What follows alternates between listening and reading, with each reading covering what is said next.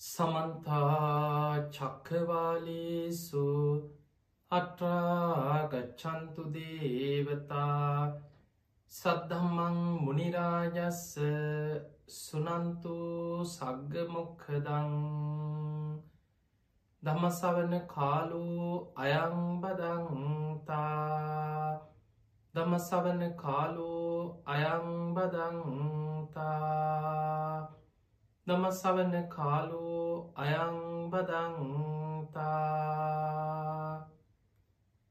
නමුතස්ස භගවතු වරහතු සම්මා සම්බුද්ධස්ස නමුතස්ස භගවතු වරහතු සම්මා සම්බුද්ධස්ස නමුතස්ස භගවතු වරහතු සම්මා සම්බුද්ධස්ස හැම දෙනාටම තෙරවන්සන්න ප්‍රාර්ථනා කරමින් අද ඔබ හැම දෙනෙක්ම ඔබේ ජීවිතයට ඉතාම වැදගත් ධර්ම කාරණාර සක්ෂවනය කරන්නයි කළඹ ටෙලිවිෂන් මෙ සඳහම් විකාශේ මේ උතුම් දායකත ධර්ම දේශනාවක් එක්ක එකතුවෙන්. අද මේ ධර්මාණු ශාසනාවේ පින්බර දායකත්ත දරන්නේ අම්බලන්තොට සිංහ ඔටෝ මෝටියව් කම්පැනි පුද්ගලික සමාගමේ සැදහැවත් පිරිස එයාගේ අරමුණ තමයි අම්බලන්තොට සිංහ ඔටෝ මෝටියව් කම්පැනි පුද්ගලික සමාගමේ දායකත්තයෙන් පවත්වනු ලබන සංසාර පිය සටහන් ප්‍රජාසත්කාර වැඩ සටහන හතරවෙනි වරටත් ශාසන අභිවෘතිය උදෙසා සද්ධර්ම ප්‍රචාරය පිණිස තරුණ තරුණියන් ධර්මයට නැබුරු කර ගැනීම උතුම් චේතනාවෙන් තමයි මේ ධර්මාණු ශාසනාවන් සිදු කරන්න. සෙසු අරමුණු තමයි දේශකයණන් වහන්සේට නිදුක් නීරෝගි සම්පත්තිය සැලසේවා කියලපට ආශිර්වාද කිරීම සිංහ වෙලද නාමේ නිර්මාට්ටු සුනිල් ජිනදාස මුණසිංහ පියාණන්ට පින් අනුමෝදන් කිරීම මෑනියන් දෙපළ වන චන්ද්‍රාමුණ සිංහ සහ නයනා සෙනවිරත්න කියන දෙපලට දීර්ඝාවශ සැලසේවා කෙනොතු මාශිර්වාදය සේවක මහත්ම මහත් පීන්ටත් ඔවුන්ගේ පවුලල සියලු දෙනාටමත් උනුරුවන්ගේ ආශිර්වාදය සැලසේවා කියෙන ආශිර්වාද සෙත් ප්‍රාර්ථනාව. ඒවගේම සේවක සේවිකාවන් නමින් ගණදෙනු කාර බහතුර නමේ මිය පරලෝගේ අයගේ පරම්පරාගත පවුල්ල සියලු මියගේ ඥාතින් පින් ගන්න පුළුවන් තැන්වල ඉන්න සියලූම දෙනාට මේ ධර්මාණු ශාසනාවෙන් පින් අනුමෝදන් කිරීම පාරිභෝක මහත්ම මහත්පීටත් ඒ හැම දෙනාටමත්. ඒ වගේම මේ කිත්තුුණු වන් නත්තල සමරණ මේ කාලය තුළේ අයට සෙත් ප්‍රාර්ථනා කිරීමත් පවතින වසංගත තත්වීම් මිදීමට ලක්වාසි ලෝවාසි හැම දෙනාටම තුනුරුවන්ගේ ආශිර්වාදය චිත්ත ශක්තිය ධෛරය සැලසේවා කියන සියලු දෙනාට ආශිර්වාද කරන මෙත් සිතින් තමයි අද මේ ධර්මාණු ශාසනාව දායකත්ත දරන්න. තිය හැම දෙනාටමත් ඔබ හැම දෙනාටමත් බණහන සියලු දෙනාටමත් මේ උතුම් ධර්මශ්‍රවනය නිවන් දොරටුවක් බවට පත්වේවා කියලා මුලින්ම ආශිර්වාද ප්‍රාර්ථනා කරනවා. පිංහතුනේ අද අපි මේ ධර්මාණු ශාසනාවදි කතා කරන්නේ බුදුරජාණන් වහන්සේ අපිට පෙන්නපු ගිහියෙක් වේවා පැවිද්දෙක් වේවා නිරන්තරයෙන් සිහි කළ යුතු කාරණාත් තුනක් බුදුරජාණන් වහන්සේ අපිට පෙන්නවා. අප්‍රමාදී භාව ඇතිකර ගැනීම පිණිස ධර්මාවබෝධය පිණිස හිත සකස් කර ගැනීම පිණිස. ගිහි කෙනෙක් වුණත් පැවිදි කෙනෙක් වුණත් ඔබ දන්නවා බුදුරජාණන් වහන්සේගේ ශ්‍රාවකයෝ භික්‍ෂු භික්‍ෂුණී උපාසක උපාසිකා කෙන සිව්වන පිරිසගෙන් සමන්විතයි. බුදුරජාණන් වහන්සේගේ පැවිදි ශ්‍රාවකයන් භික්‍ෂු භික්කුණී ගිහි ශ්‍රාවකයන් ගිහි උපාසක උපාසිකා හැටියට කොටස් හතරකට බෙදෙනවා. මෙන්න මේ සෑම කෙනෙක්ම නිරන්තරෙන් සිහි කළ යුතු කාරණා තුනක් බුදුරජාණන් වහන්සේ අපිට පෙන්නවා. මේ කරුණු තුන නිරන්තරයෙන් සිහි කරන කෙනා අප්‍රමාදීව කාරණා පහක් පුරුදු කරගන්න. අපි මුලින්ම බලමු නිතර සිහි කළ යුතු කාරණාත් තුන මොකක්ද කියලා. පළවෙනි එක තමයි කම්මස්ස කෝමී කම්ම දායාදෝ කම්ම යෝනී කම බන්ධූ කම්ම පටිසරනෝ යංකම්මං කරිස්සාමි කල්්‍යානංවා පාපකංවා තස්ස දායාදෝ. මම කර්මය ස්වකීය කරගත්ත කෙනෙ. මම කර්මය උපත්තිය කරගත්ත කෙනෙ. මම කර්මය ඥාතියා කරගත්ත කෙනෙ. මම කර්මයම මත උපත කරාපු කෙනෙ. මගේ එකම පිළිසරණ මම රැස් කරගත්ත කරම මම යම් හොදක් හෝ නරකක් කරොත් ඒක විපාක මා කරා එනවා කියලා නිරන්තරයෙන් සිහි කරන්න. අන්න බුදුරජාණන් වහන්සේ අපිට පෙන්නවා ගිහි කෙනෙක් වුණත් පැවිදි කෙනෙක් වුණත් නිතර සිහි කළ යුතු පළවෙනිම කාරණය තමයි කරමය ගැන හිතන්න. දෙවනි කාරණය තමයි මම ජරාවට පත්වෙන කෙනෙක්. මම ලෙඩ වෙන කෙනෙක් මම වයසට යන්න කෙනෙක්. මම ජරා ව්‍යාදී ඉක්මවාගිය කෙනෙක් නෙමෙයි කියලා හිතන්න කියලා. පිංහතුනේ අද ඔබට දුවල පැනල ඇවිදින්න පුළුවන් වුණාට අද ඔබේ වැඩටික ඔබට තනියම කරගන්න පුළුවන් ඇති. සමහර වෙලාට ඔබට හිතෙන ඇති මට කවුරුත් ඔන්නෑ මට පුළුවන් ඕන එකක් කරගන්න මට කාගවත් උදව්වෝ නෑ කියලා. හැබැයි යම් දවසක් එනවා අපි අසරණ වෙන. අන්නේ නිසා නිරන්තරයෙන් සිහි කරන්න කියනවා මම වයිසට යන කෙනෙක්. මේ කෙස් ටික පැහිලා හම රැලි වැටිලා නැකිට ගන්න බැරුව එක තැන මළමුට්ට කරගෙන කටට වතුර ටිකක් තව කෙනෙක් වක් කරනකොට කටදි පැත්තෙන් වතුර ටික ගලාගෙන යන තමන්ග උත්සල අරගෙන තමන්ගෙම මළමුට්ට ටික තව කෙනෙක් අස් කරන දවසක් ජීවිතය එන්න පුළුවන් මට නං එහෙම වෙන්නෑ කියලා බොහෝ දෙනෙක් හිතුවට අපි කවුරුත් ඉපදුනානං ඒ කාන්තෙන් වයසට යනවා ලෙඩ වෙනවා ජරාවට පත්වෙනවා. සමහර වෙලාවට එක තැන කුණු වෙලා තුවාල හැදිලා ඒ ඇදේම මළමුට්ට කරගෙන දුක්විදිනවා ඔබ ඕන තරම් දැකළ ඇති තරුණ කාලි මැති වයසි දුවල පැන්ල වැඩ කරපු හොඳ ශක්තිවන්තව හිටපු මිනිස්සු වයසට යන්න ඕනෙමනෑ සමහරු ඇක්සිඩන්ට් වෙලා සුසුන්නාව බිදිලා යම් කිසි අනතුරක් නිසා එක තැන් වෙලා මුළු ජීවිත කාලිම මළමුට්‍ර ගොඩේ දුක්විදිනවා. ඒ නිසා නිතර හිතන්න කියනවා දෙවනි කාරණය ගිහියෙක් වේවා පැවිද්දෙක් වේවා මම වයසට යන කෙනෙක්. මම ලෙඩ වෙන කෙනෙක් වයසට ගිහිල්ල මළමුට්‍ර කරගෙන දුක්විදින කාලයක් මගේ ජීවිතෙත් එන්න පුළුවන්. මං ඒක ඉක්මවාගිය කෙනෙක් නෙවෙයි කියලා හිතන්න කියනවා. ඒ තමයි දෙවනි කාරණය. තුංගනි කාරණය බුදුරජාණන් වහන්සේ වදාළ මහනෙනේ ගිහියෙක් වේවා පැවිද්දෙක් වේවා නිතර සිහි කළ යුතුයේ මම මරණය උරුම කරගත්ත කෙනෙක්. මං මරණය ඉක්මවාගිය කෙනෙක් නෙමෙයි. කවදක් කොත්තන කොයි මොහොතේ හෝ මට මරණයට මෝන දෙන්න සිද්ධ වෙනවා කියලා නිරන්තරයෙන් සිහි කරන්න. රජෙක්වුණත් සිටුවරයෙක්වුණත් මහා බල පරාක්‍රමයක් විහිදවාගෙන හිටියත් අධිරාජ්‍යෙක් වුණත් ලෝකෙම පාලනය කරන සක්විති රජෙක් වුණත් මරණ ඉක්මවාගේ කෙනෙක් නෙමේ. මටත් කවදක් කොත්තන කොයි මොහොතේ හෝ මරණයට මෝන දෙන්න සිද්ධ වෙනවා කියලා නිරන්තරෙන් සිහි කරන්න. ඔන්න ඔය කරුණු තුන කර්මය ගැන නිතර හිතනවා ඒ වගේම මම වයසට ගිහිල්ල මමත් ලෙඩ වෙලා ලෙඩ වෙන ස්භාවින් යුක්ත වයිසට යන ස්භාවින් යුක්ත කෙනෙක් නේද කියල තමන් ගැන හිතනවා ඊළඟට මං මරණ ඉක්මවාගිය කෙනෙක් නෙමෙයි මේ සියල් අතහැරලා මට කර්මාන් රෝපිය කොහේ හෝ මෙලව අතහැරලා යන්න සිද්ධ වෙනවා නේද කියලා නිතර හිතන්න කියලා. ඔන්න ඔය කාරණා තුන සිහි කරන කෙනා අප්‍රමාදීව කරුණු පහක් පුරුදු කරන්න දක්ෂ වෙනවා. අපි මේ කාරණාත් තුන විස්තර ඇතුව මේ ධර්මාණු ශාසනාව තුළ තව දුරටත් ඔබට වැටහෙන විදිහට තේරෙන විදිහට ඔබේ හිතට මනසට කාවදින විදිහට තේරුම් ගන්න අපි උත්සාහයක් ගම. පිංහතුනේ කාරමය. බොහෝ වෙලාට මේ වචනයෝ බහලා තියෙනවා. හැබැයි බොහෝ දෙනෙකුට කර්මය කියන්නේ මොකක්ද කියපුහම සමහරු හිතන්නේ ක්‍රියාව කියලා. පිංහතුනි කර්මය කියලා කියන්නේ චේතනාව. බුදුරජාණන් වහන්සේගේ බුද්ධ වචනය තමයි චේතනාහම් භික්කවේ කම්මං වදාව. මහනෙන චේතනාව කර්මයයි. චේතයිත්වා කම්මං කරෝති කායේන වාචාය මනසා. චේතනා පහල කරලා කර්ම රැස් කරනවා කායේන කයෙන්.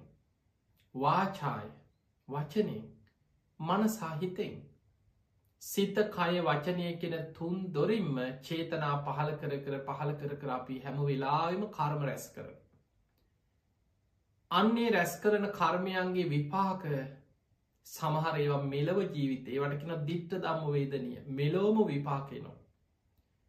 සමහර කර්ම ඊළඟ ජීවිතය විපාක දෙනවා උපපජ්්‍ය වේදනය කර්ම.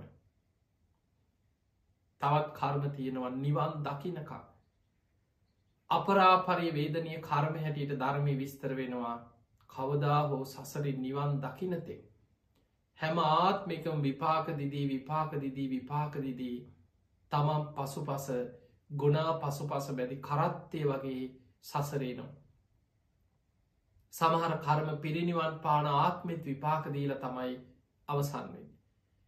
නිවන් දකිනකම් විපාක දිදියන කර්ම තියන ඒවට කෙන අපරා පරිවේදනය කරම.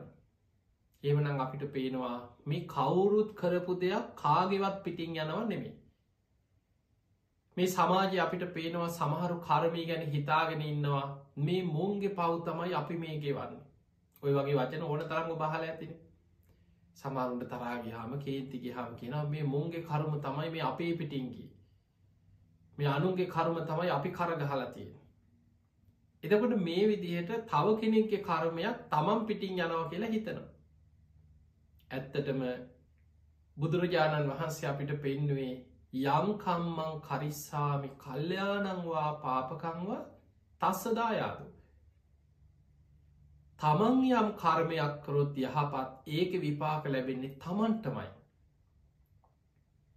තමන් යම් කර්මයක් කරොත් අයහපත් ඒ අයහපත් විපාක සසරය අරගෙන යන්නේ තමන්මයි. ඒ නිසා අරයා මෙයා එයා කියලා අපිට සමාජ බැලූ බැල්මට පේනවා මේ මෙයාගේ ප්‍රශ්නයක් නිසාතයි මට මේක වනේ. මෙන්න මෙයා නිසා තමයි මං මේකට පැටලුනේ. මෙන්න මේ අයි තමයි මේකට වග කියන්න ඕන කියලා අපිට හේතු ගලපලා සාධහරණය කරණය කරන්න පුළුවන් වුණාට සංසාරය අපි කවුරුත් ඒවෑ පැටලිලා ඒ ඒ කර්මවල කොහේ හරි පැත්තකින් ඉඳලා ඔබත් ට්‍රැස් කරගත්ත දේවල් තමයි ඔබේ පසු පසෙන්නේ. සමහර වෙලාට ඔබේ වට උදව් කරලා ඔබ මිනිස්සුන්ග පොළොඹෝල ඔබත් ඒ අයත් එක්ක මේ කර්මවල පැටලිච්ච පිරිසක් සංසාරය. අපිට ඒ අද හොයාගන්න තරන් නුවනක් අපිට නැති වුණාට බුදුරජාණන් වහන්සේ බොහෝම ලස්සනට උන්වහන්සේගේ බුදු නුවනට අතීත කර්මයන්ගේ හේතු විපාක මේ සියල්ලම වටහා ගැනීමේ නුවන තියෙනෙ බුදු කෙනෙකුට විතරයි. පිංහතුනි ධර්මය සඳහන් වෙනවා කම්ම විපාකෝ අචින්තියෝ. මේ කර්ම විපාක විෂය අචින්තියයි. සාමාන්‍ය මනුස්සයකුට ඔබට මට අපි කාටවත් තරක විතර්ක කරලා ඒක කොහොම දෙහෙම වෙන්නේ ඇයි අරයට අරහෙම වුණේ අච්චර පව්කාරය හොඳට ඉන්නවා. ඇයි මේ අයිටම මෙහෙම?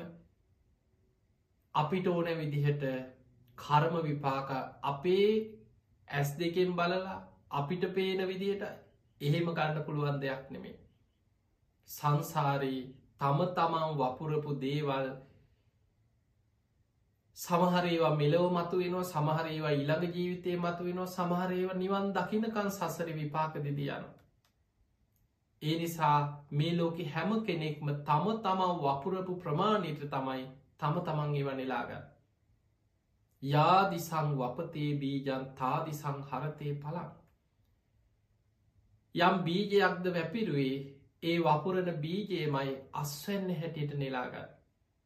තැම් බලන්න වී වපුරපු කෙනාට මුං ලැබෙන් නෑන අස්වන්නට තල වපුරපු කෙනා මෑ අස්වැන්න හැටියට නෙලන්නේ වී වපුරපු කෙනා වී අස්වැන්න නෙලනවා. තල වපුරපු කෙනා තල මුං වපුරපු කෙනා මුං. කවපි වැපිරුවන යායට කවපි ලැබේ තම තමන් වපුරණදේ තම තමන්ම නෙලාගන්න ඒ නිසා අද අපි දුක්විදිනවනම් අදෝප යම් සැපයක් විඳිනවනම් ඒ සියල්ල ඔබම සසරි වපුරපු දේවල්වල අස්හැන්නමේ. එනිසා පිංහතුනී අනුන් දිහා බලලා අනුන්ට ඇගිල්ල දික් කරන්නවත් අනුන්ට චෝදනා කරන්නවත් අනුන්ට ඉරිසියා කරන්නවත් අනුන්ට වෛර කරන්නවත් යන්න එපා අපිම වපුරපු දේවල් අපි නෙලාගෙන යන සංසාර ගමන. ඒ ඒ අය වපුර ගත්ත දේවල් ඒ ඒ අයත් සංසාරය නිලාගෙන යන. මෙන්න මේ කර්මය ගැන හොඳට තේරෙනවන. මේ කර්ම විපාක විශ්‍ය අචින්තයයි සම්පූර්ණය කර්ම විපාක විෂය අපිට තේරුම් ගන්න බෑ. හැබැයි බුදුරජාණන් වහන්සේ ඔබට මට අපිට තේරෙන විදිහට තේරුම් ගන්න අවශ්‍ය ටික හකුලෝලා බුදුරජාණන් වහන්සේ අපිට පෙන්වා මෙන්න මේ ප්‍රමාණෙන් තේරුම් ගන්න. මෙන්න මේ ප්‍රමාණයෙන් කර්මය ගැන හිතන්න. මෙන්න මේ ප්‍රමාණයෙන් කර්ම විපාක ගැන නිරන්තරයෙන් මෙනෙහි කරන්න. ඒ නිසා අපිම කරන කර්මයන්ගේ විපාක අපි කරා එනවා කියලා නිතර හිතන්නට ඕන. බුදුරජාණන් වහන්සේ වදාලි මහනෙන ගිහියෙක් වේවා පැවිද්දෙක් වේවා. නිතර කර්මය ගැන හිතනවනම් මම වපුරණ දේවල් මා කරාමයි එන්නේ. මම යම් හොදක් හෝ නරකක්කොරොත් ඒක විපාක මා කරා එනවා. මම කර්ම දායාදෝ මම කර්මය දෑවැද්ද කරගෙන සංසාරයන කෙනෙ. කම පටිසරණු මම කර්මය පිළිසරණ කරගෙන සංසාරයන කෙනෙ. කම බන්දු මටයින් එකම ඥාතිය මගේ එකම නෑය. මමම රැස් කරගත්ත කර්ම. කම්ම යෝනේ කර්මය මතයි මගේ උපත්තිය තීරණය වෙලා තියෙන් මනුස්ස ලෝකෙද බිත්තරයක් ඇතුළෙන්ද මවකුසකින්ද තෙත් පරිසරයකින්ද කොහෙද ඉප දෙන්න කියලා මේ උපතට අපි වැදගෙනාවේ බවපච්චයා ජාති විපාක පිණිස කර්ම හැදිච්ච නිසා කර්මයෙන් තමයි උපත්තියට අපි වැදිලාව. මමම වපුරණ දේවල්වල විපාක මමම නෙලාගෙන යන සංසාර ගමනක් ඔන්න ඔය විදියට හිතා. දැන් ඔබම හිතන්න මේ කර්මය ගැන නිතර ඔබ හිතනවනම්. නිතර කර්මය ගැන මෙනෙහි කරලා හිතනවනන් මම වපුරණ දේවල් මමම නිලාගන්නවා කියලා හිතනවනම් කවදාවත් අනුන්ට හිංසාවක් කරන්න අනුන්ට පීඩාවක් කරන්න තව කෙනෙක්ගේ පලිගන්න තව කෙනෙක් විනාස කරන්න අකුසල් කරන්න හිත නැමෙන්නේ. තමන්ගේ හිතට කෙලෙස්වල ස්වභාවේ හිතට සිතුවිලියෙන්න්න පුළුවන් ලෝබ දවේශ මෝහ කියෙන අකුසල මූලයන්ගෙන් හටගත්ත විඤ්ඥානයක් ඇතු අපි මේ සසර යනකොට අලු යට ගිනි පොකුරු වගේ මේ ආයතන හයෙන් දකින රූප සබ්ද ගන්ධ රස පහස මේ අරමුණු එක්ක කෙලෙස් මතු වෙලායිනවා හිතට රාගය ඇති වෙනවා දවේශය ඇති වෙනවා ඉරිසියාව ඇති වෙනවා පලිගන්න හිතෙනවා. නොයෙක් විදිිය වැරදි සිතුවිලියෙන්න්න පුළුවන්. හැබැයි ඒ සිතුවිලි ඇතිවෙනකොටම එයා දන්නවා මේක විපා මං මේ මේක මෙතනම ප්‍රහාණය කරගත යුතුයි. මේක පහස් සිතුවිල්ලා මේක අකුසලයක්. මේක වැඩුවොත් මේ සිතුවිල්ල හිත තුළ පෝෂණය වෙන්න ඉඩ දුන්නොත් මට බොහෝ අකුසල් රැස්වෙනවා අන්න එහෙම අදුන ගත්ත කෙනා උපන්නාව අකුසල් වීරියෙන් ප්‍රහාණය කරගන්න නෝපන් අකුසල් නෝපදවන විදිහටම හිත ඇතුළෙෙම යෝනිසෝ මනසිකාර යෙදිලා ඒ අකුසලේ යටපත් කරගන්න. අකුසලේට හිත යොමු කරන්න ආදීනව සිහි කරන කෙනා විපාක ගැන සිහි කරන කෙනා. මේ කර්මි විපාක මමම නිලාගෙන යන ගමනක් කියල හිතන කෙනා එතනින් මේක යටපත් කරගන්න දක්ෂ වෙන. ඒක හිත ඇතුළෙ වැඩෙන්න්න ක්‍රියාවක් බවට පත්වෙන්න වචනෙන් කයින් ඊට අනුව ක්‍රියාත්මක වෙන්න යන්න ඇතුව සිතුවිල්ලකින් මඳුනගෙන ප්‍රහාණය කරගෙන යටපත් කරගන්න දක්ෂ වෙනවා නිතර කර්ම විපාක ගැන හිතලා හිත ඒ තුළ සකස් කරගත්ත කියලා. අන්නේ නිසයි පිංහතුනි බුදුරජාණන් වහන්සේ අපිට පෙන්වේ ගිහියෙක් වේවා පැවිද්දෙක් වේවා නිතර කරමය ගැන සිහි කරන්න කියල. ඔන්න එහෙමනම් පළවෙනි දේ තමයි ඔබ උදේ හවස නිරන්තරයෙන් සිහි කරන්න මම කර්මය ස්වකීය කරගත්ත කෙනෙක්. මම කර්මය දායාද කරගෙන යන කෙනෙ මම කර්මය උපත්තිය කරගෙන සංසාරය යන කෙනෙ මම කර්මය පිළිසරණ කරගෙන ජීවත්වෙන කෙනෙ මගේ එකම ඥාතිය මගේ එකම නෑයා. මමම වපුරපු කර්ම. මම යම් හොදක්කොරොත් හොඳ විපාක මා කරායනවා මා කරන දේ අයහපත්ද ඒ අයහපත් විපාකත් මා කරාමෙනවා කියල සිහි කරන්න කිය අන්න එහෙම නිරන්තරයෙන් සිහි කරන කෙනා අකුසල් යටපත් කරලා කුසල් දියුණු කරගෙන හිත දමනය කරගන්න දක්ෂ කෙනෙක් බවට පත්වෙනවා. දැ බලන්න පිංහතුනේ සියලු බුදුරජාණන් වහන්සේලාගේ අනුශාසනාව කැටි කරලා හිතන්න. සබ්භ පාපස්සා කරන සියලු පාපී අකුසල කර්මයන්ගේ වලකින්. බුද්ධ දේශනා පුරාම බුදුරජාණන් වහන්සේගේ අරමුණ ඉලක්කේ මේ සත්වයාව පින් ඇති සත්වයන්ව මේ ආදීනව පෙන්නලදීලා අකුසල්වලින් මිනිස්සුන්ග මුදව ගන්න එක. එකක් දෙකක් කීපයක් නෙමේ සබ්බ පාපස්සා කරනක් සියලු පාපි අකුසල්වලින් වලකින්. කුසලස් උපසම්පදා පින් කරන්න කුසල් වඩන්න උපසම්පදා කියන්නේ වර්ධනය කරන්න. නිතර නිතර කරන්න. නිතර නිතර වර්ධනය කරන්න. ඒ පින මෙනෙහි කර කර මෙනෙහි කර කර බලවත් කරගන්න. අන්න කුසලස්ස උප සම්පද ඒවත් කර්ම තමයි. අකුසල කර්ම කරන්න එපා. පුුණ්්‍ය කර්ම රැස් කරන්න. සචිත්ත පරියෝධපන. තමන්ගේ හිත දමනය කරගන්න. ඒකට තමයි භාවනාව බුදුරජාණන් වහන්සේ පෙන්න්න සිහියෙන් ඉන්න සතර සතිපට්ඨාන හිත පිහිටවන්න. හිත අභ්‍යන්තරයේ තියෙන මේ ක්ලේෂ ධර්මයන් මතුවෙන ආකාරය හොඳින් සිහිනුවනින් දැකළ ඒව ප්‍රහාණය කිරීම පිණිස සචිත්ත පරියෝධපනත් තමන්ගේ හිත දමනය කරන්න සම්මත විදර්ශනා භාවනාවස්සේ හිත දමනය කරන්න. ඒ තම් බුද්ධානු ශාසනම් මේක තමයි බුදුරජාණන් වහන්සේලාගේ අනුශාසනාව. දැන් බලන්න මේ ලෝකයේ මේ විශ්වයේ පහළ වෙන සියලූම් බුදුරජාණන් වහන්සැලගේ අනුශාසනාව කැටි කරහම අපි අසූහාර දහසක ධර්මස්කන්දය හැටියට ගත්තා. බුදුමුවින් වදාලේ ශ්‍රීමක දේශනා අනුව විමසලා බැලුවත්. රහතන් වහන්සේලාගේ දේශනා තියෙන මහරහත් දේශන මේ ඔක්කෝගේම ඉලක්කේ අකුසල්වලින් වැලකීම කුසල් වැඩීම හිත දමනය කිරීම ඒ තමයි බුදුරුන්ගේ අනුශාසනාවේ ඉලක්කි අරමුණ සාරාන්සේ. එහෙමනම් කරමී ගැන හිතන කෙනා නිරන්තරයෙන් අකුසල් ප්‍රහාණය කරමින් කුසල් පැත්ත බලවත් කර ගනිමින් හිත දමනය කර ගනිමින් ඒ බුදුරජාණන් වහන්සේගේ අනුශාසනාව ඉලක්කේ තුළ ගමන් කරන කෙනෙක් බවට පත්වෙන. ඊළඟ කාරණය දෙවනි කාරණය බුදුරජාණන් වහන්සේ වදාලා නිරන්තරයෙන් සිහි කරන්න මම වයිසට යන කෙනෙ. මම ලෙඩ වෙන කෙනෙ. සබ්බේහි මේ පියෙහි මනාපේහි නානා බහෝ විනා බහෝ මේ සියලූම ප්‍රියමනාප මං ඇලුම් කරන ආස කරන දේවල් මට අතහැරලා යන්න දවසක් එනවා කියලා හිතන්න කියනු. දැන් මැරෙන්න්න වැටෙන කංආයක වෙන වෙලාවට වෙන්න තෑ කියල හිතාගෙන හිටියෝ මිනිස්ු අන්ත අසරණයේ වෙලාවට සමහරුන්ට බණපදයක් ජීවිතයට අහන්නවත් නෑ ඇහෙන්නෙත් නෑ ඒ වෙලාවට සමහරු මරණාසන්න වෙනකොට සිහිකරගන්න පිනක් කුසලයක් ජීවිතයේ බලවද්‍යයක් සිහිවෙන්නෙත් නෑ ඇයි හිත පුරුදු කරලනෑ අන්තාසරණයි සමහරුන්ගේ මුළු ජීවිත කාලෙම කරලා තියෙන්නේ ඉගෙන ගත්තා හම්බ කරන්න මහන්සි ගත්තා අවුරුදු ගානක් රස්සාවල් හොය හොය ඇවිද්දා විවහවුනා දරුවෝ හැදවා.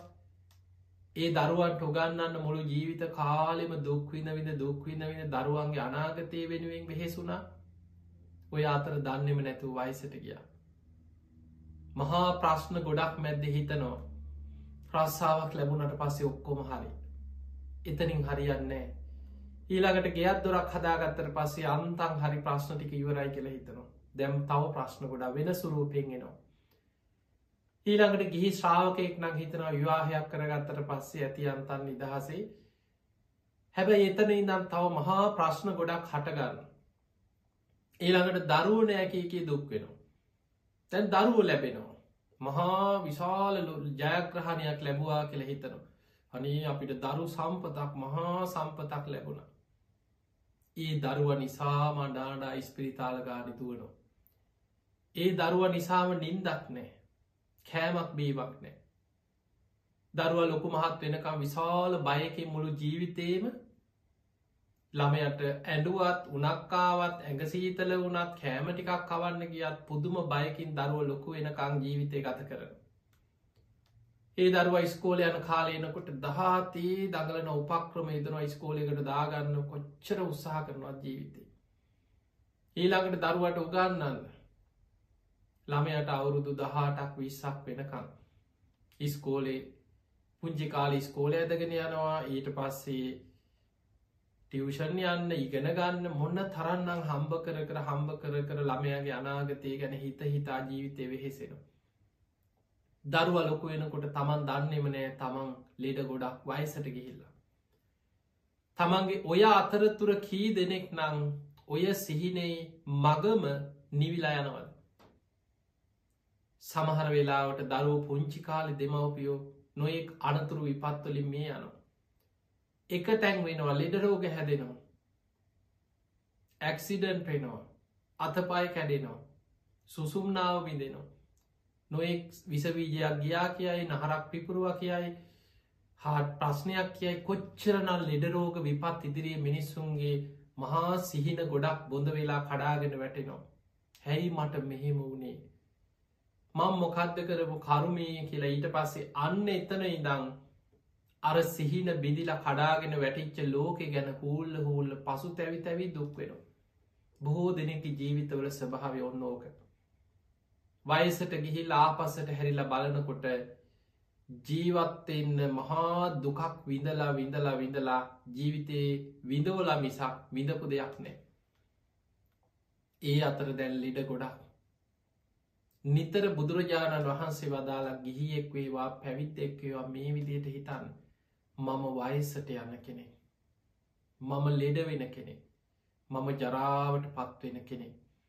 මේ ප්‍රියමනාප දේවල් සියල් අතහැරල යම් දවසක මට මේ ඔක්කොම අතහැරල යන්න වෙනවා.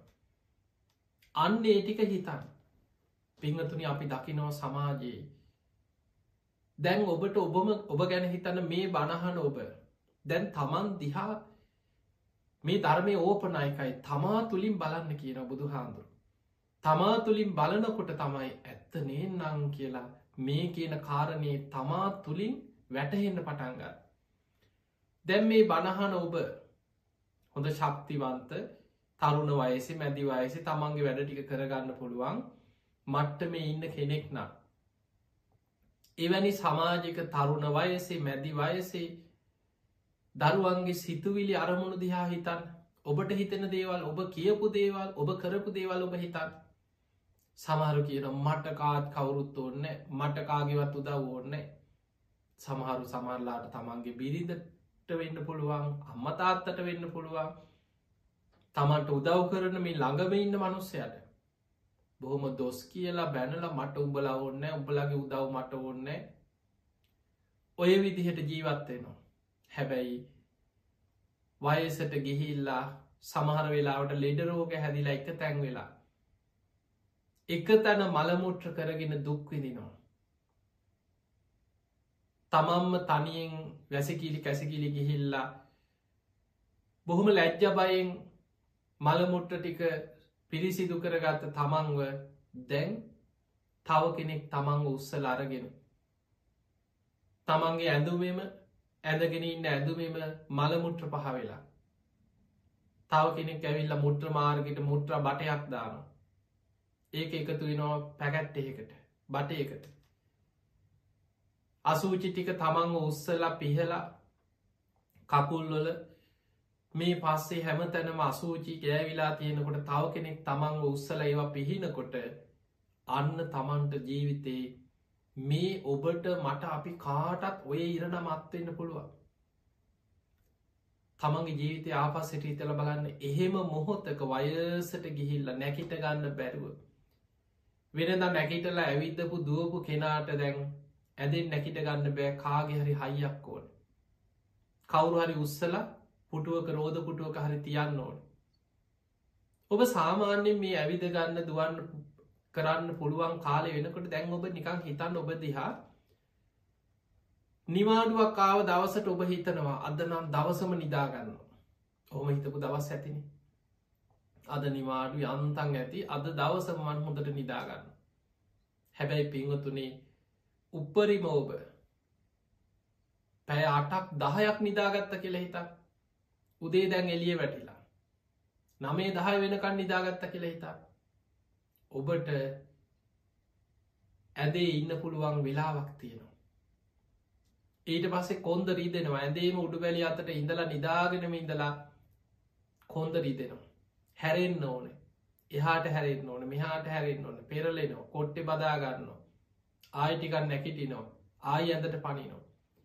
එතකොට සාමාන්‍ය ස්වරූපය මනුස්සයකුට කොච්චර දවසම නිදාගන්නවා කියලා හිතුවත් ඇඳක වනත් එක ඉරියව්වකින් කොච්චර සැප පහසු ඇඳක වුණත් ඔබට ඉන්න පුළුවන් කාලයක් වෙලාවක් තියෙනවා. හැබැයි පිංහතුනේ එක තැන්වෙච්ච කෙනෙ සමහරලාවට ලෙඩ වෙලා උඩු බැලි අතට සුසුන්නාවේ ප්‍රශ්නයක් කොන්දේ ප්‍රශ්නයක් ජීවිතය කවද තමන්ටායි නැකිටඉන්න පුළුවන් වෙයිද කිසිම විශ්වාසයක් නෑ.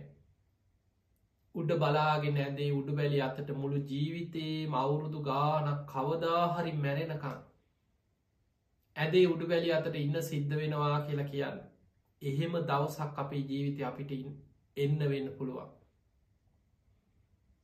හැමදාම දකින්න එකම දොරරෙද්ද එකම ජනේලෙ එකම බිත්ති හතර අර ඇදේ හැරෙන්න්නත් බෑ කවුරු හරි අල්ලල යන්තම් පැත්ත හරවන්න ඕන.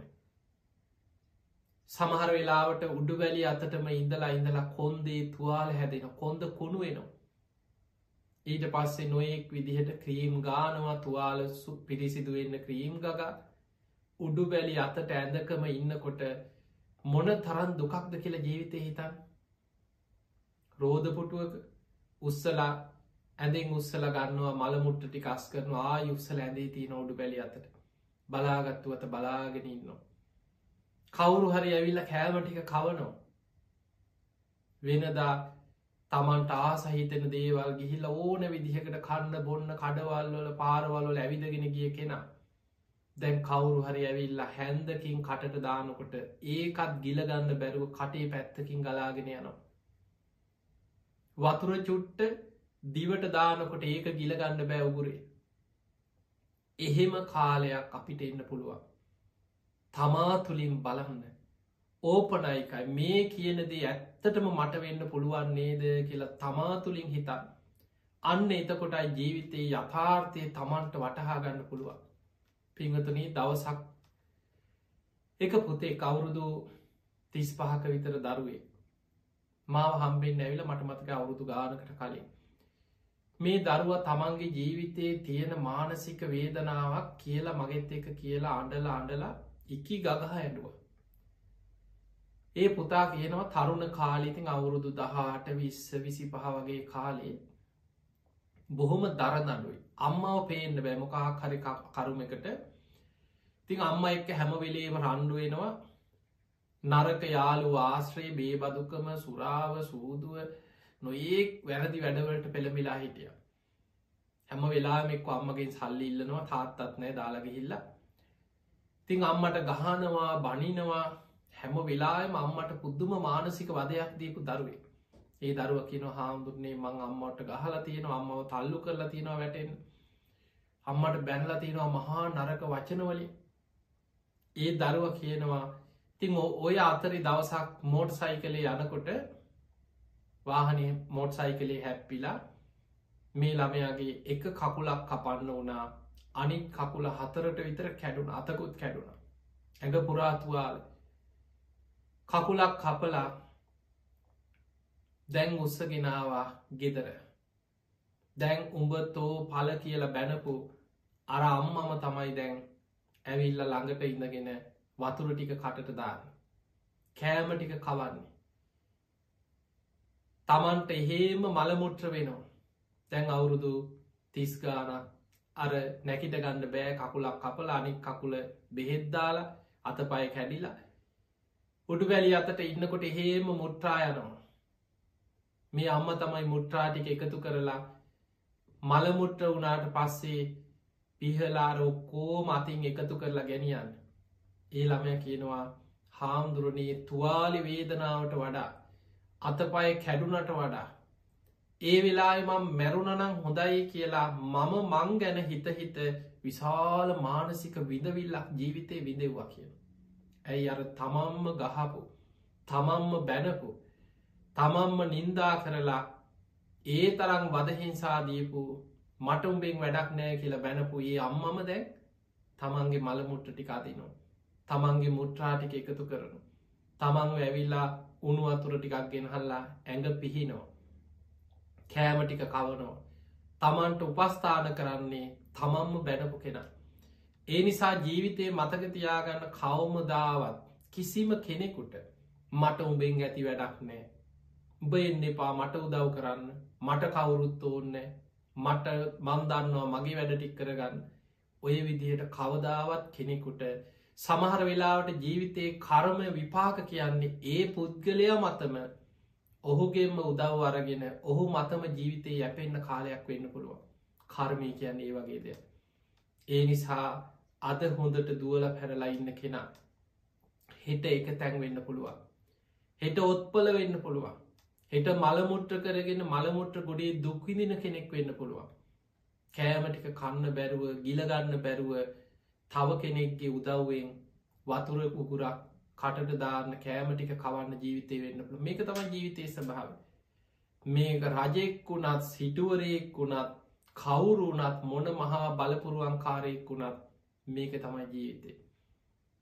පැම්පර්ස එකක් කන්දලා මුට්‍රා බටයක් ගහලා අර මුට්‍රාටික පැකට්ඒකට එකතු වෙනකට සමාලාට අසූචිටිකත් වෙනම් පැකට් එක එල්ලගෙන ඒක අල්ලගෙන උත්සගෙන කෙනෙක් දුක්විදිනකොට උඩු බැලි අතට කට පැත්තකට ගිහිල්ලා අමාරුවෙන් කෑමටික යවනො නැකිට ගන්න බෑ කියාගන්න බෑ කතා කරගන්න බෑ අන්ත අසරණ භාවයකට පත්වෙනකොට නිතර හිතන්න අපි ඔබ ඕන තරන් ජීවිත ඔය වගේ මිනිස්සු දැකළ ඇති ලෙඩ්ඩු ඔබ ලෙඩ්ඩු බලන්න ගිහිල්ලා ස්පිරිතාලවලට ගිහිල්ලා හයෝ කියලා අනුන්දිහා බලලා සමහර වෙලාවට අපට නං උපවපන් ජාතිවත් මෙහෙම නං වෙන්න එපා කියලා හිතනවා.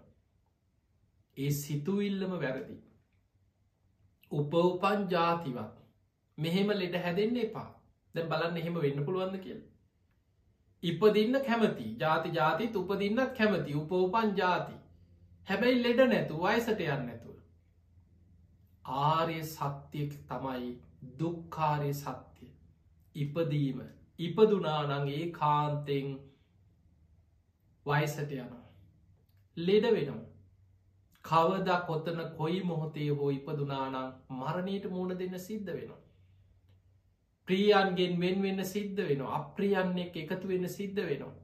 ඒක තමයි ආර්ය සත්‍ය මේ විශ්වයේ ලෝකයේ තියෙන ආර්ය සත්‍යය අපේ බුදුරජාණන් වහන්සේ සාරා සංකය කල්පලක්ෂයක් පාරමී පුරලා බෝධි මූලේදී ගුරූපදේශ රහිතව අවබෝධ කරගත්ත චතුරාර්ය සත්‍ය ධර්මයේ පලවෙනි මාරය සත්‍ය තමයි දුක්කාරය සත්‍ය. ජාතිපි දුක්කං ඉපදීම දුකක්.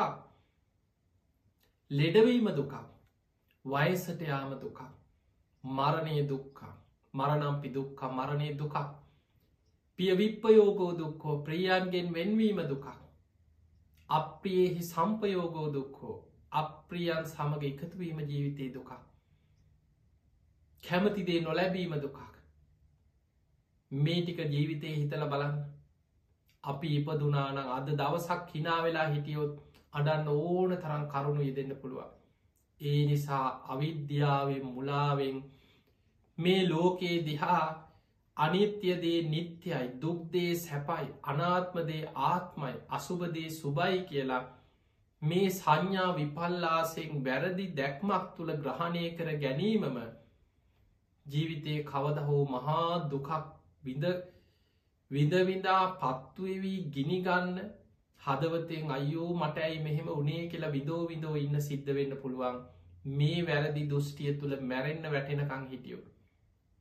එදකට පරක්කු වැඩි.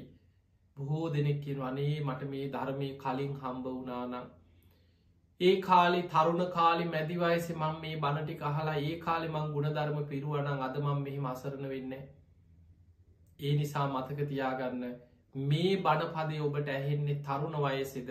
අද ඉනම් පටන්ගන්න මේ බණපදය ඔබට ඇහන්න ලැබෙන්නේ මැදි වයසෙද? අද ඉනම් පටන්ගන්න මේ බණපදය ඔබට ඇහෙන්නේ වයසට ගිහිල්ලද? තාම සිහිනුවන තියෙනවද? අද ඉදන් ධර්මය හැසිරෙන්න්න පටන්ගන්න අප්‍රමාදී. මේ බණපදය ඔබට ඇහෙන්නේ ලෙඩ ඇදේද? දැනටමත් ඔබ එක්තැන් වෙලා ලෙඩ ඇදේ ඉන්න කෙනෙක්ද? තාමත් ප්‍රමාදනය තාමත් සිහිනුවන තියෙනවනං ධර්මය මෙනෙහි කරලා තාමත් ගැලවෙන්න පුළුවන්.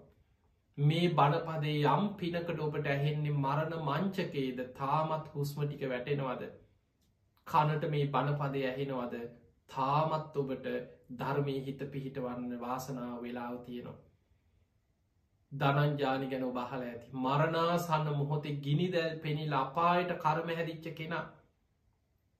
අන්තිම මොහොතේ ධර්මය හිත පිහිටෝල ධර්මය සිහි කරලා අකුසල් යටපත් කරගෙන කුසල් බලවත් කරගෙන සුගතිය කිය බ්‍රහ්ම දෙවි කෙනෙක් වෙලා පහළ වුණ.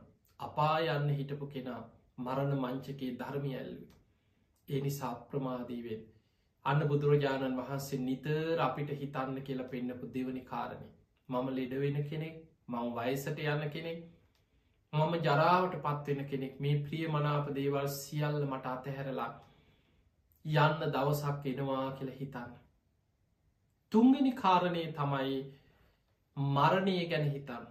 මම කවදක් කොත්තන කොයි මොහොතේ වූ මට ඒ කාන්තෙ මරණයට මූුණ දෙන්න වෙනවා මයි කෙළ හිතන් පිංහතුනී මරණය ගැන හිතන එක මේ අසුභ දෙයක්. අපි සාමාන්‍ය හිතන්නේ ඕවා හිතන්න හොඳ නෑ. ඕ මැරෙන වෙලාක මැරෙන් නැත.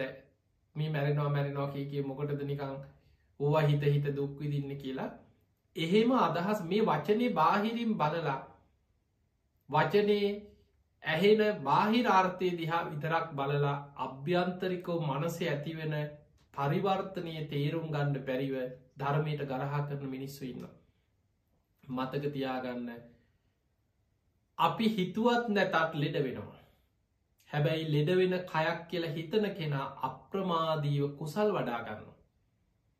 මැරෙනවා කියලා හිතුවත් නැතත් මැරෙනවා. මේ ලෝකේ උපන්නාව සෑම සත්‍යයක්ම මැරෙනවා.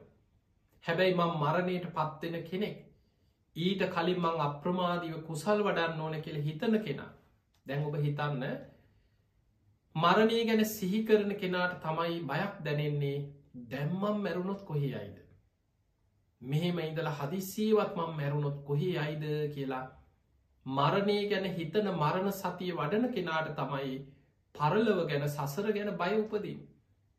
එයා මොකද කරන්නේ අප්‍රමාදීව සිල් ගුණධර්ම රකිනො. අප්‍රමාදීව සද්ධාව දියුණු කරන. අප්‍රමාදීව දහම් දැනුව ඇති කරගන්න. ප්‍රඥාව ත්‍යාග සම්පත්ති ගුණධර්ම පුරනොයා. මැරෙන්න්න වැටෙනකං ඉන්න මරණය ගැන නිතර හිතන කෙන අප්‍රමාදීව ගුණධර්ම වඩාගෙන මරණ මංචකයේ අසරණ නොවෙන විදිහට ධර්මයෙන් ශක්තිමත් මනසක් හදාගන්න. අන්න ඒකයි වටිනාකම. ඒ නිසා මරණය ගැන හිතන්න. කවදක් ඔත්තන කොයි මොහොතේ හෝ මේ සියල්ල මට අතහැරලා මේ සියල් අතහැරලා යන්න කොයිද කියලා දන්නෙත් ඇති සංසාර ගමනක.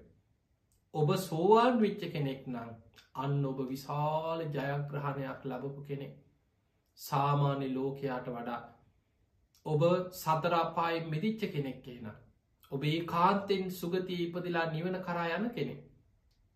එතනින් මෙහා පෘතජ්ජන ජීවිතයක් ගත කරන හැම කෙනෙක්ගේම මරණය කියන්නේ සතර අපායට බරවෙච්ච ජීවිතයක්. සතරාපාය මහගෙදර කරගෙන සාමාන්‍ය සත්වයා සංසාරිකෝ යන ගමන. ඒ නිසා නිතර මේ කරුණු තුන හිතන් පිංහතුනි මරණයේ සිහිකිරීම භාවනාව ඒකටගෙන මරණ සති භාවනාව. ඔබ මම සරණග අපේ බුදුරජාණන් වහන්සේ පෙන්වා මහනෙන මරණ සති භාවනාව තරම් ධර්මාවබෝධය පිණිස අප්‍රමාදී භාවය ඇති කරන භාවනාවක් බුදු ඇසින්වත් දකින්නෑ කියලා.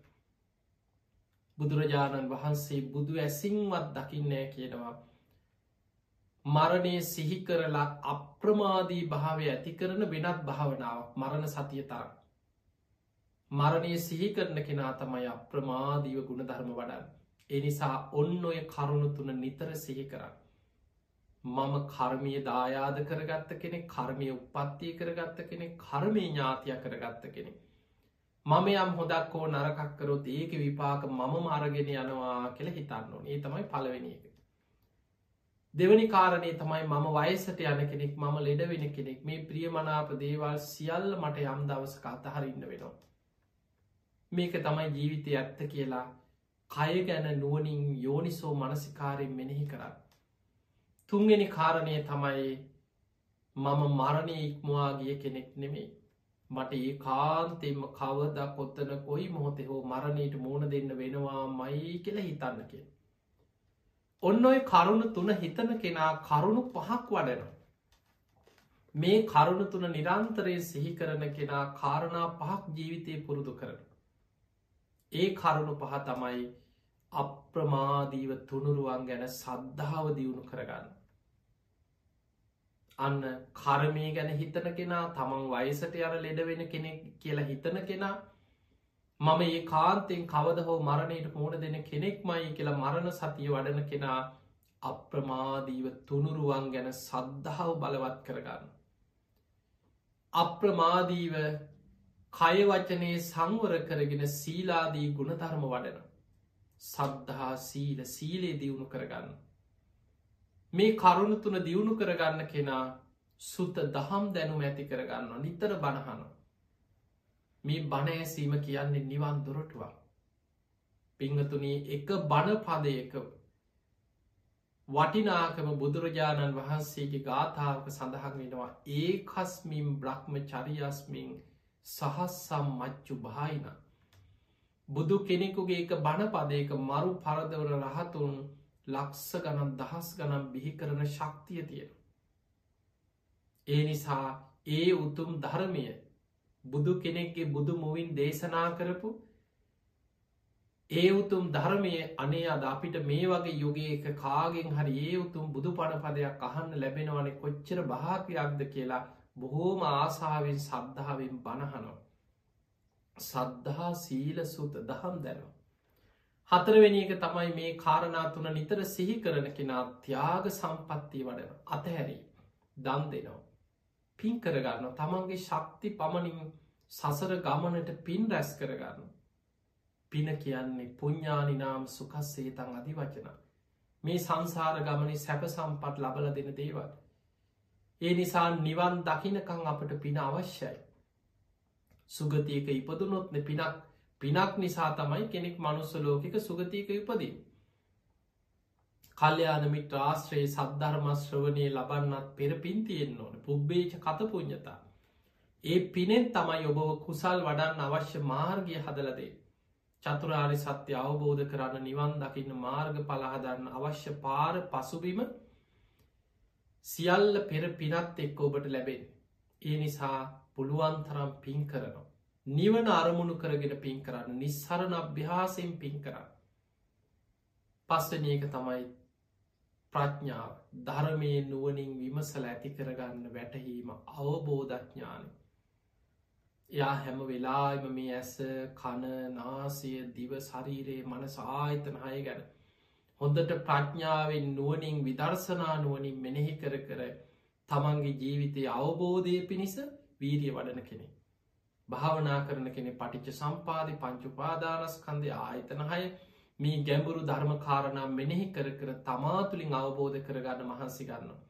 ඔන්න ඔය කරුණු පහ වඩනෝ. සද්ධාව සිල්වත්කම දහම් දැනුම ත්‍යාග සම්පත්තිය ප්‍රඥාව වඩන. ඒ කරුණු පහ අප්‍රමාදිය වඩන්න නම් නිතර සිහි කළ යුතු කරුණු තුනක් තමයි අපි මුලින්ම ඔබට පෙන්නල දුන්න. ඒ තමයි නිතර කරමය ගැන හිතන්න. නිතර හිතන්න මම ලෙඩ වෙන කෙනෙක් වයිසට යන කෙනෙක් ජරාවට පත්වෙන කෙනෙක් කියලා හිතන්න. ඊළඟට මං මරණය ඉක්මවාගේ කෙනෙක් නෙමෙයි කවද කොතන හෝ මට මරණයට පත්වවෙන්න වෙනවා මයි කෙළ හිතන්න. ඔන්න ඔය කරුණතුන අප්‍රමාදීව නිතර නිතර හිතනකොට ගිහියෙක් වේවා පැවිද්දෙක් වේවා අන්න එයාට තමා තුළින්ම ඇතිවෙනවා වීරයක් සද්ධාව දියුණු කරගන්න. සීලි ආරක්ෂා කරගන්න. දහම් දැනුම ඇති කරගන්න පින් දහම් කරගන්න ප්‍රඥාව වඩාගන්න. ඔන්න ඔය කරුණු පහ දියුණු කරගෙන සද්ධහා සීල සුතතියාග ප්‍රඥා වඩාගෙන. මේ ලැබිච්ච මනුස්ස ජීවිතය අවසන් වෙන්න පෙර ඔබ හැම දෙනාටමත් උතුම් වූ ධර්මයම අවබෝධ කරගන්න වාසනාව ලැබේවා ලැබේවා ලැබේවා කියලපි ආශිර්වාද කරනවා. පිංහතුනේ අද මේ ධර්මශ්‍රවනයෙන් ඔබ රැස් කරගස් සියලුපින් සියලු දෙවියෝ සාධ කාරදිදීමේ පින් අනුමෝදන් වෙත්වා. දෙවියන්ගේ පිහිට රැකවරණ ආශිර්වාද ඔබ හැම දෙනාටම ලැබේවා ලැබේවා කියලපි ආශිර්වාද කරනවා. තිං අද මේ ධර්මාණු ශාසනාවේ පින්බර දායකත දරන්නට යදුනේ අම්බලන්තොට සිංහ ඔටෝමෝටිය් පුද්ගලික සමාගමේ සැදැහැවත් පිරිස එකතු වෙලා තමයි මේ දායකත දරන්නට යදුනේ. හම්බලන්තොට සිංහෝටෝමෝටිය් කම්පැනි පුද්ගලික සමාගමේ දායකත්තයෙන් පවත්වන ලබන සංසාර පිය සටහන් ප්‍රජාසත්කාර වැඩ සටහනේ හතරවෙනි වරටත් සිදු කරන ශාසන අභිවෘද්ධි උදෙසා ධර්මප්‍රචාරක වැඩ සටහන් තුළින් තරුණ තරුණියන් ධර්මයට නැඹුරු කර ගැනීමේ උතුම් චේතනාවෙන් පවත්වන ලබන ධර්මාණු ශාසනාව හැටියටයි මේක සිදු කරන්නට එදේ. තිය අයගේ උතුම් අරමුණු තමයි ධර්මදේශකැනන් වහන්සේට අපට නිදුක් නිරෝගී සම්පත්තිය සැලසේවා කියනුතුම් ආශිර්වාදය සිංහ වෙලද නාමේ නිර්මාර්ටු සුනිල් ගෙනදාස මුණසිංහ පියාණන් සාධු කාරදිදී මේ පින් අනුමෝදන් වෙත්වා. එතුමන්ට පින් අනුමෝදන් කිරීම එතුමන්ගේ පරලෝ ජීවිතයට පින් අනුමෝදන් කිරීම ප්‍රධාන අරමුණක්. ඒ වගේම මෑනියන් දෙපල් වන චන්ඩා මුණසිංහ සහ නයිනා සෙනවිරත්න කියන දෙපලට දීර්ඝාවිශ නිදුක් නීරෝගී සම්පත්තිය තුනුරුවන්ගේ ආශිර්වාදය සැලසේවා කෙනුතුම් ආශිර්වාද ප්‍රාර්ථනය. ඒ වගේම සේවක මහත්ම මහත්මීටත් ඔවුන්ගේ පවුලල සියලු දෙනාටමත් තුනුරුවන්ගේ ආශිර්වාදය සියලු දෙවියන්ගේ පිහිට රැකවන්න සැලසේවා කෙනුතුම් ආශිර්වාදය. ඒවගේම සේවක පවුල්ල සියලු දෙනාගෙම මිය පරලෝගිය සියලු ඥාතීන් ගණු දෙනු කාර බවතුන් නම මිය පරලෝගී ඥාතී මේ බණහප ඔබත් කල්පනා කරන්න බැහැම දෙනා නම මිය පරලෝගිය පින්ගන්න පුළුවන් තැන්වල ඉන්න සියලු ඥාතී සාධු කාරදිදී මේ පින් අනුමෝදන් වෙත්වා. ඒ අයගෙත් පරලොව ජීවිත සැපවත්තේවා සූපත්තේවා සසර දුකින් අතමි දේවා කියල පින් දෙන්න. ඒ වගේම සියලුම පාරිභෝගික මහත්ම මහත්මීන්ටත් ඉසිංහ වෙලද සමාගමේ ඔටෝමෝටිව් කම්පැනි පුද්ගලික සමාගමේ කාරය මණ්ඩලේ හැම දෙනාටමත් ඒ අයගේ පවුල්ල සුජීවත් වෙලා ඉන්න හැම දෙනාමත් ඒ වගේ මොවුන් සඳහන් කරන නත්තල් සමරණ සියලු කිතුුණු භක්තිකයන්ටත් නිදුක් නීරෝගි සම්පත්තිය දීර්ඝාශ සැලසේවා සිත සාන්ති සැලසේවා කෙන ආශිර්වාදයක් පවතින වසංගත තත්වයෙන් මිදීමට ලක්වාසි ලෝවාසි හැම දෙනාටම ශක්තිය ධෛරය වාසනාව සැලසේවා කෙනුතුම් ප්‍රාර්ථනාව ඒ පින්වතුන්ගේ උතුම් අරමුණු අතර සඳහන් වෙනවා. තේහෙමනං ඒ උතුම් ප්‍රාර්ථනාවෙන් අද මේ ධර්මය ශ්‍රවණය කරන්නට යුදුනේ බණහපෝ බැහැම දෙනාටමත් දායකත්තේ දැරු සියලු දෙනාටමත් මේ ධර්මශ්‍රවනය ධර්මාබෝධය පිණිස නිවන්දුරටුවක් පාරමිතාවක්ම වේවා වේවා වේවා කියලපි ආශිර්වාද කරනු. ආකා සට්හාච් බුම්මට්හා දේවානාගා මහිද්දිකා පුඤ්ඥන්තන් අනුමෝදිත්වා චිරන්රක්කන්තු ලෝක ශාසනං ආකා සට්හාචපුම්මට්ටා දේවානාගා මහිද්දිකා පුඤ්ඥන්තන් අනුමෝදිත්වා චිරන්රක්කන්තු දේශනං ආකා සට්හාචපුම්මට්හා දේවානාගා මහිද්දිකා පුඤ්ඥන්තන් අනුමෝදිත්වා චිරන්රක්කන්තුතුවං සදා හැම දිනාටම සම්මා සම්බුදු සරණයි.